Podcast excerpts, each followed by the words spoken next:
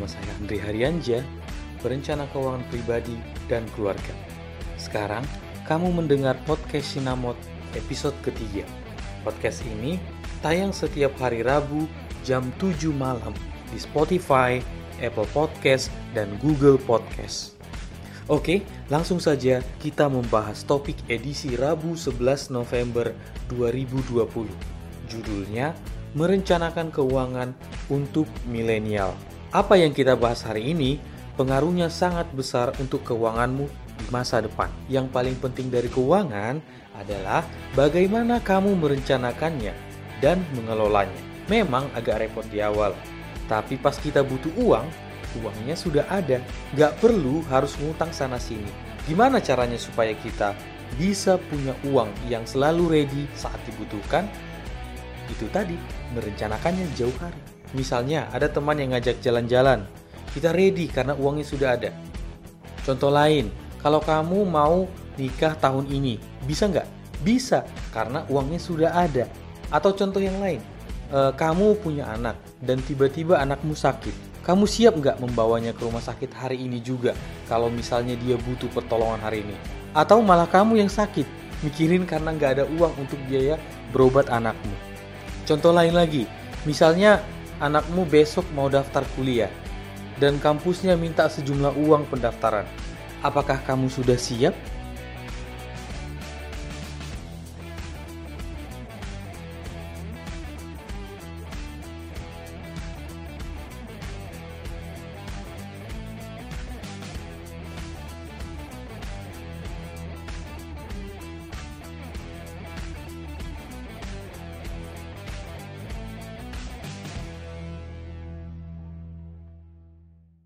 Para milenial biasanya belum kepikiran sejauh itu. Egonya masih tinggi dan rencananya pun jangka pendek semua. Kalau misalnya nih ditanya kepada milenial, apa yang terjadi kalau misalnya kamu sakit? Terus dia jawabannya akan seperti ini. Kan ada papa aku. Papa aku nggak akan biarkan aku sengsara lah Andri. Nah, bener banget tuh. Orang tua memang nggak akan membiarkan kita sengsara. Sakit dan lain-lain. Tapi kalau misalnya papanya kenapa-kenapa, dan gak bisa biayain kita, itu gimana tuh? Memangnya orang tua kita hidup selamanya untuk membackup semua kebutuhan kita? Enggak kan? Nah, kalau kita nggak mandiri, apa yang terjadi dengan anak kita? Anak kita nanti bersandarnya kepada siapa? Iya memang saat ini kita belum masih mempunyai anak, tapi ke depannya kita pasti memiliki anak. Dan anak itu pasti bergantung kepada kita. Seperti kamu yang sekarang, kamu bilang pasti ada papaku yang backup. Nah, kalau misalnya kamu sudah menjadi seorang papa, apakah kamu bisa membackup kebutuhan anakmu? Kita nggak bisa terus-terusan bergantung sama orang tua. Ada saatnya kita harus sepenuhnya terpisah dan mandiri. Terpisah yang dimaksud bukan ikatan keluarganya ya, tapi kemandirian dalam mengelola keuangan. Sekaya apa pun orang tua kita, kita tetap harus punya penghasilan sendiri karena orang tua tidak bisa membackup kita terus-terusan buat cewek-cewek yang di luar sana. Kalau misalnya kalian punya cowok kaya tapi kekayaannya itu dari hanya orang tuanya kalian harus berpikir dua kali. Kalian harus selektif memilih pasangan yang cuma mengandalkan orang tuanya. Jauh lebih baik berteman sama orang yang mandiri daripada orang yang hanya mengandalkan kekayaan orang tuanya. Memang bagus kalau misalnya kaya berasal dari keluarga yang mapan. Itu bagus. Tapi kalau misalnya itu hasil dari orang tuanya nanti kalau misalnya orang tuanya udah meninggal dia rebutan warisan lagi sama keluarganya yang lain. Kamu jadi terseret sama masalah warisan. Tahu sendiri kalau warisan itu e, menjadi salah satu penyebab kehancuran dalam sebuah keluarga ya kan? Jadi uang itu bisa menjadi kehancuran kalau misalnya kita tidak punya uang sendiri kita hanya bergantung kepada uang orang tua. Oke? Kita sudah tahu nih, kebutuhan kita itu ada banyak dan semua kebutuhan itu harus benar-benar direncanakan jauh hari. Siapa yang merencanakan? Kita, bukan orang tua. Jangan tergantung sama orang tua. Kita harus berjuang untuk supaya memiliki penghasilan sendiri. Kalau membuat rencana keuangan aja sudah malas, Gimana kita bisa tahu apakah cara kita selama ini dalam mengelola keuangan sudah benar? Kalau ngerencanain aja sudah males, apalagi mengerjakannya, ya enggak? Ada loh banyak kasus orang yang berpenghasilan besar tapi justru mereka bangkrut dan banyak utang. Contohnya Mike Tyson. Kurang legend apa coba Mike Tyson di dunia tinju? Tapi karena gaya hidupnya yang boros membuat dia sempat dinyatakan bangkrut bukan cuma Mike Tyson, ada Johnny Depp, Tony Braxton, Cindy Lauper, dan masih banyak lagi seleb berpenghasilan tinggi, tapi mengalami kebangkrutan. Mereka-mereka ini mengalami kebangkrutan karena salah mengelola aja, bukannya mereka nggak punya uang. Jadi sejauh ini kalian sudah tahu ya, kenapa kita harus membuat perencanaan keuangan yang teratur dan terukur? Tujuannya supaya kita punya uang yang selalu ready saat dibutuhkan. Bukan dikit-dikit ngutang, bukan dikit-dikit uh, minta dari orang tua, bukan dikit-dikit mengandalkan orang lain atau apalah, atau jual aset segala macam. Bukan seperti itu. Kita merencanakan keuangan supaya semua kebutuhan kita di masa depan bisa terpenuhi tanpa ada masalah. Mereka-mereka yang mengalami kebangkrutan tadi, selebritis dan atlet yang yang tadi kita sebutkan, mereka itu bukan gak punya uang teman-teman. Uang mereka itu banyak banget pada masanya. Tapi kenapa mereka bisa bangkrut? Ya karena mereka nggak tahu cara mengelolanya. Mereka nggak tahu e, bahwa penghasilan mereka itu nggak akan seperti itu selamanya. Suatu saat akan surut juga.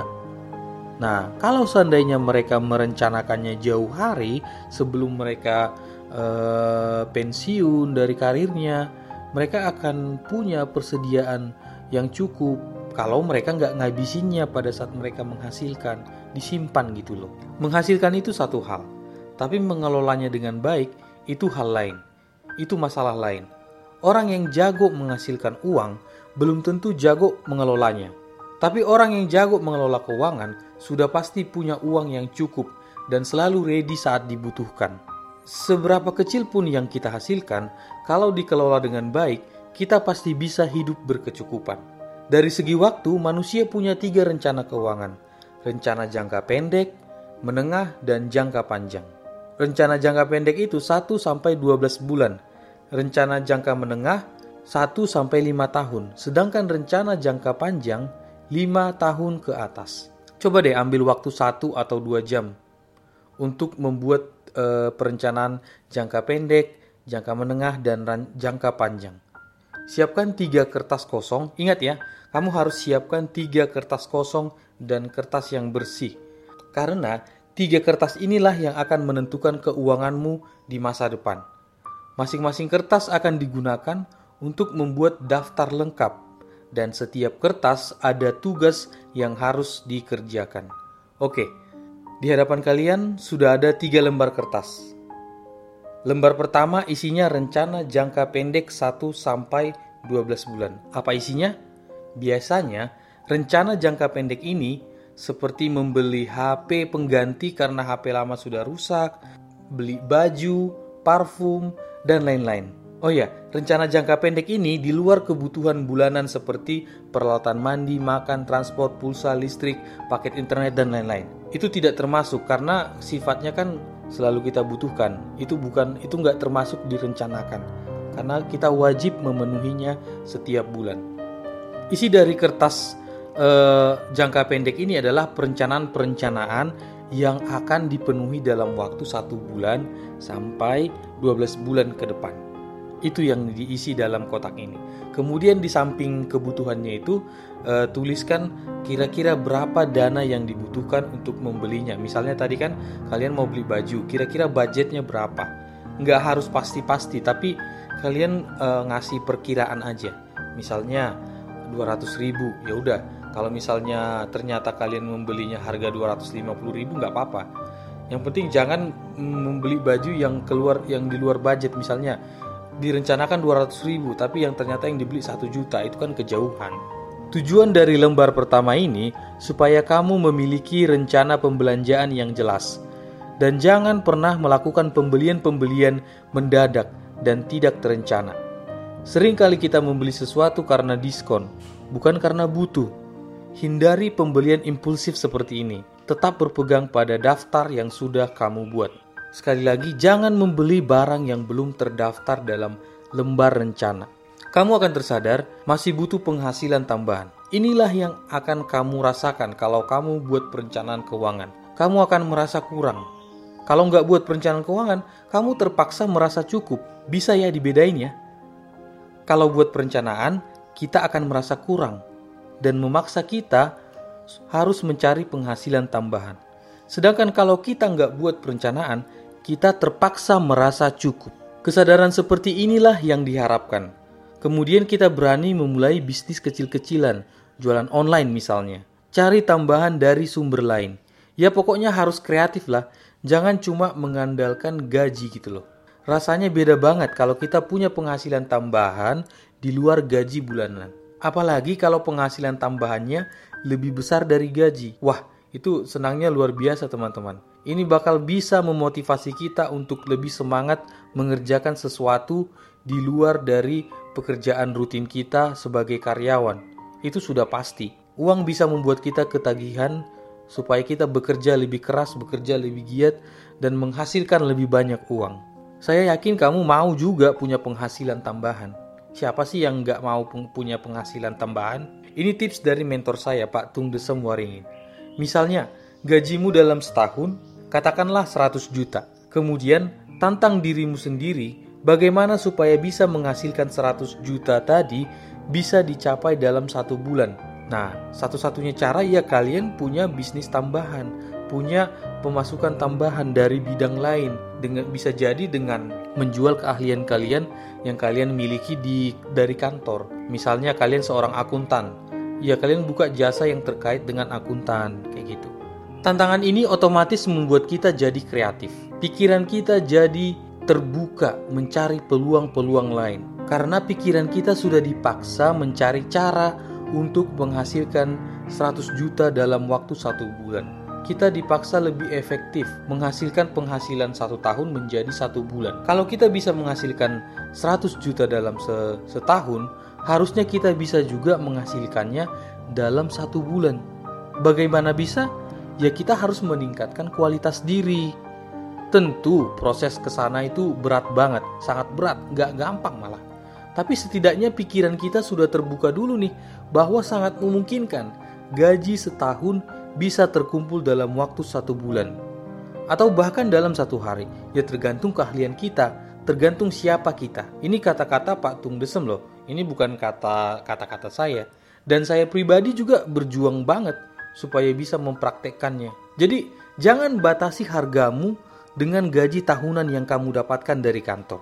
Pikirkan selalu cara-cara baru yang dapat menghasilkan supaya lebih produktif, supaya lebih supaya kita lebih efektif dalam bekerja. Jangan membuang-buang waktu. Jangan biarkan waktu kita itu kosong diisi dengan hal-hal uh, yang kurang produktif seperti nonton Netflix, jalan-jalan, nongkrong gak jelas seperti itu. Pokoknya gimana caranya waktu yang kosong, waktu yang yang luang uh, diisi dengan sesuatu yang menghasilkan. Mungkin belum belum Mungkin sekarang, mungkin nggak langsung menghasilkan sekarang, tapi setidaknya waktu yang kosong itu kita gunakan untuk belajar sesuatu yang baru, belajar skill baru, belajar sesuatu yang baru dari seminar, dari training. Itu lebih baik daripada kita gunakan hanya tidur-tiduran, nongkrong, nonton, dan lain sebagainya. Itu kurang produktif. Intinya gini teman-teman, kalau udah tahu gaji pas-pasan, ya cari sumber lain Jangan dibiarkan gitu aja. Kenapa hidup kita pas-pasan? Ya karena usaha kita juga pas-pasan. Apa yang kita pikirkan, lakukan, dan perjuangkan semuanya pas-pasan. Ya pantas hidup kita pas-pasan. Itu untuk lembar pertama.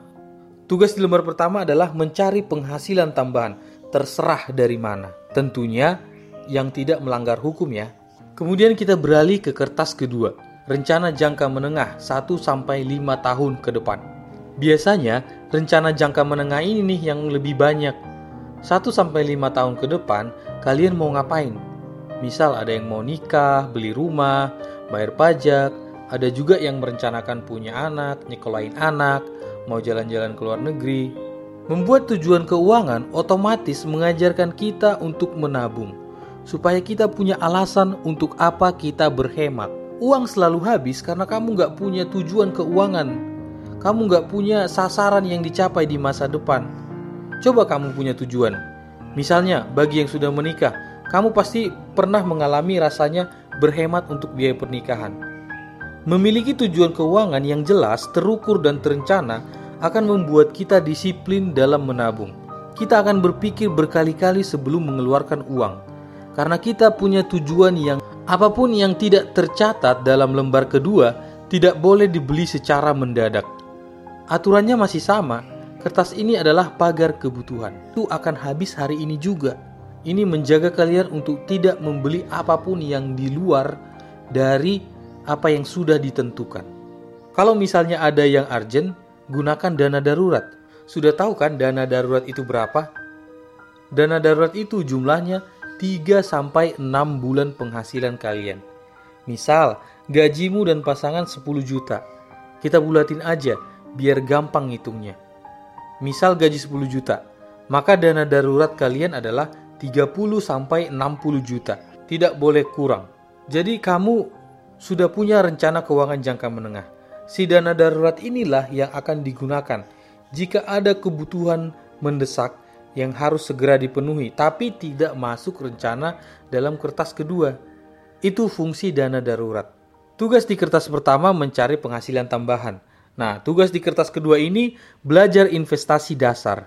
Investasi dasar itu seperti apa? Misalnya, e, membeli emas batangan secara rutin, reksadana pasar uang, government bond, deposito, atau kalau kamu masih takut-takut dan dananya masih terbatas, mulai aja pelan-pelan uh, dengan reksadana pasar uang. Kalau beli emas kan mahal, uh, satu gramnya uh, satu jutaan sekarang. Kalau misalnya kamu mau reksadana, 100 ribu juga sudah bisa. Sekarang kita lanjut ke kertas ketiga. Di sini kalian merencanakan semua kebutuhan jangka panjang yang ingin kalian capai di atas lima tahun ke depan. Jangan sungkan menuliskan hal-hal besar. Tulis aja dulu apa yang benar-benar kalian inginkan. Misalnya kalian pengen menguliakan anak di mana, jurusannya apa, pengen punya anak yang seperti apa, membeli rumah, mobil, atau apa pun itu catatlah. Rumah seperti apa, mobil seperti apa, berapa luas tanah yang ingin kalian miliki, tulis aja dulu meskipun kalian masih ragu menuliskannya. Ya tuliskan aja dulu. Kan nggak berat kan, gratis kan. Nah, setelah membuat daftar yang ingin kalian lakukan, sekarang kalian memperkirakan berapa biayanya. Misal menguliakan seorang anak, apa aja sih pengeluaran untuk kuliah anak? Bagaimana uang belanja bulanannya, jajannya, semua harus diprediksi. Nah, tugas di lembar ketiga ini menyediakan backup plan alias rencana cadangan. Tugas lembar pertama masih ingat kan? Lembar pertama tadi mencari penghasilan tambahan, lembar kedua belajar investasi, Tugas di lembar ketiga ini berbicara tentang rencana cadangan. Setelah menyadari kebutuhan jangka panjang seperti menikah, punya anak, menyekolahkan anak, memuliakan anak, pensiun, dan seterusnya, kalian akan menyadari bisa saja rencana kalian itu tidak terwujudkan. Kita yang membuat rencana, Tuhan yang menentukan. Misalnya, saat anak kamu uh, udah mau kuliah, eh tahu-tahu terjadi sesuatu sama kamu Kasihan anakmu, impiannya harus hancur karena tidak ada yang bisa membiayai kuliahnya. Tidak ada yang tahu apa yang terjadi di masa depan. Itu sebabnya kamu perlu memiliki rencana cadangan. Kamu butuh asuransi untuk memastikan biaya kesehatan, pendidikan, hari tua, dan semua yang tidak terencana. Asuransi itu berbicara tentang merencanakan apa yang tidak terencana. Kita tidak berencana untuk meninggal, tapi kita harus sudah menyediakan bagaimana kita kalau sudah meninggal. Kita tidak berencana sakit, tapi kita sudah harus punya rencana bagaimana seandainya kita kalau seandainya kita sakit, bagaimana kita membayar biaya kesehatan. Kita tidak berencana untuk kecelakaan, tapi kita sudah harus membuat rencana apa yang terjadi jika kita kecelakaan, bagaimana biayanya, bagaimana perawatannya, semua sudah harus direncanakan. Asuransi itu berbicara tentang merencanakan sesuatu yang tidak direncanakan. Bisa dimengerti ya? Di podcast episode ini, kita hanya berbicara tentang membuat rencana. Kita belum bahas bagaimana supaya rencana itu e, ter terwujudkan. Bagaimana merencanakan apa yang tidak direncanakan bisa terencana dengan baik. Agak agak agak ribet ya. ya, ya itulah perencanaan keuangan ya memang ribet gitu loh. Makanya banyak orang malas merencanakan keuangan karena ribet, karena susah. Tapi ada reward bagi mereka yang merencanakan keuangan dengan benar. Gitu. Jadi inti dari podcast ini saya rangkum dalam beberapa poin. Yang pertama, buat perencanaan jangka pendek, menengah, dan panjang. Kedua, cari penghasilan tambahan. Tiga, belajar investasi. Empat, menyadari pentingnya asuransi dan merencanakan apa yang tidak direncanakan. Oke, cukup sekian podcast edisi 11 November 2020. Semoga bermanfaat dan sampai jumpa minggu depan. Saya Andri dari sinamo.com pamit undur diri.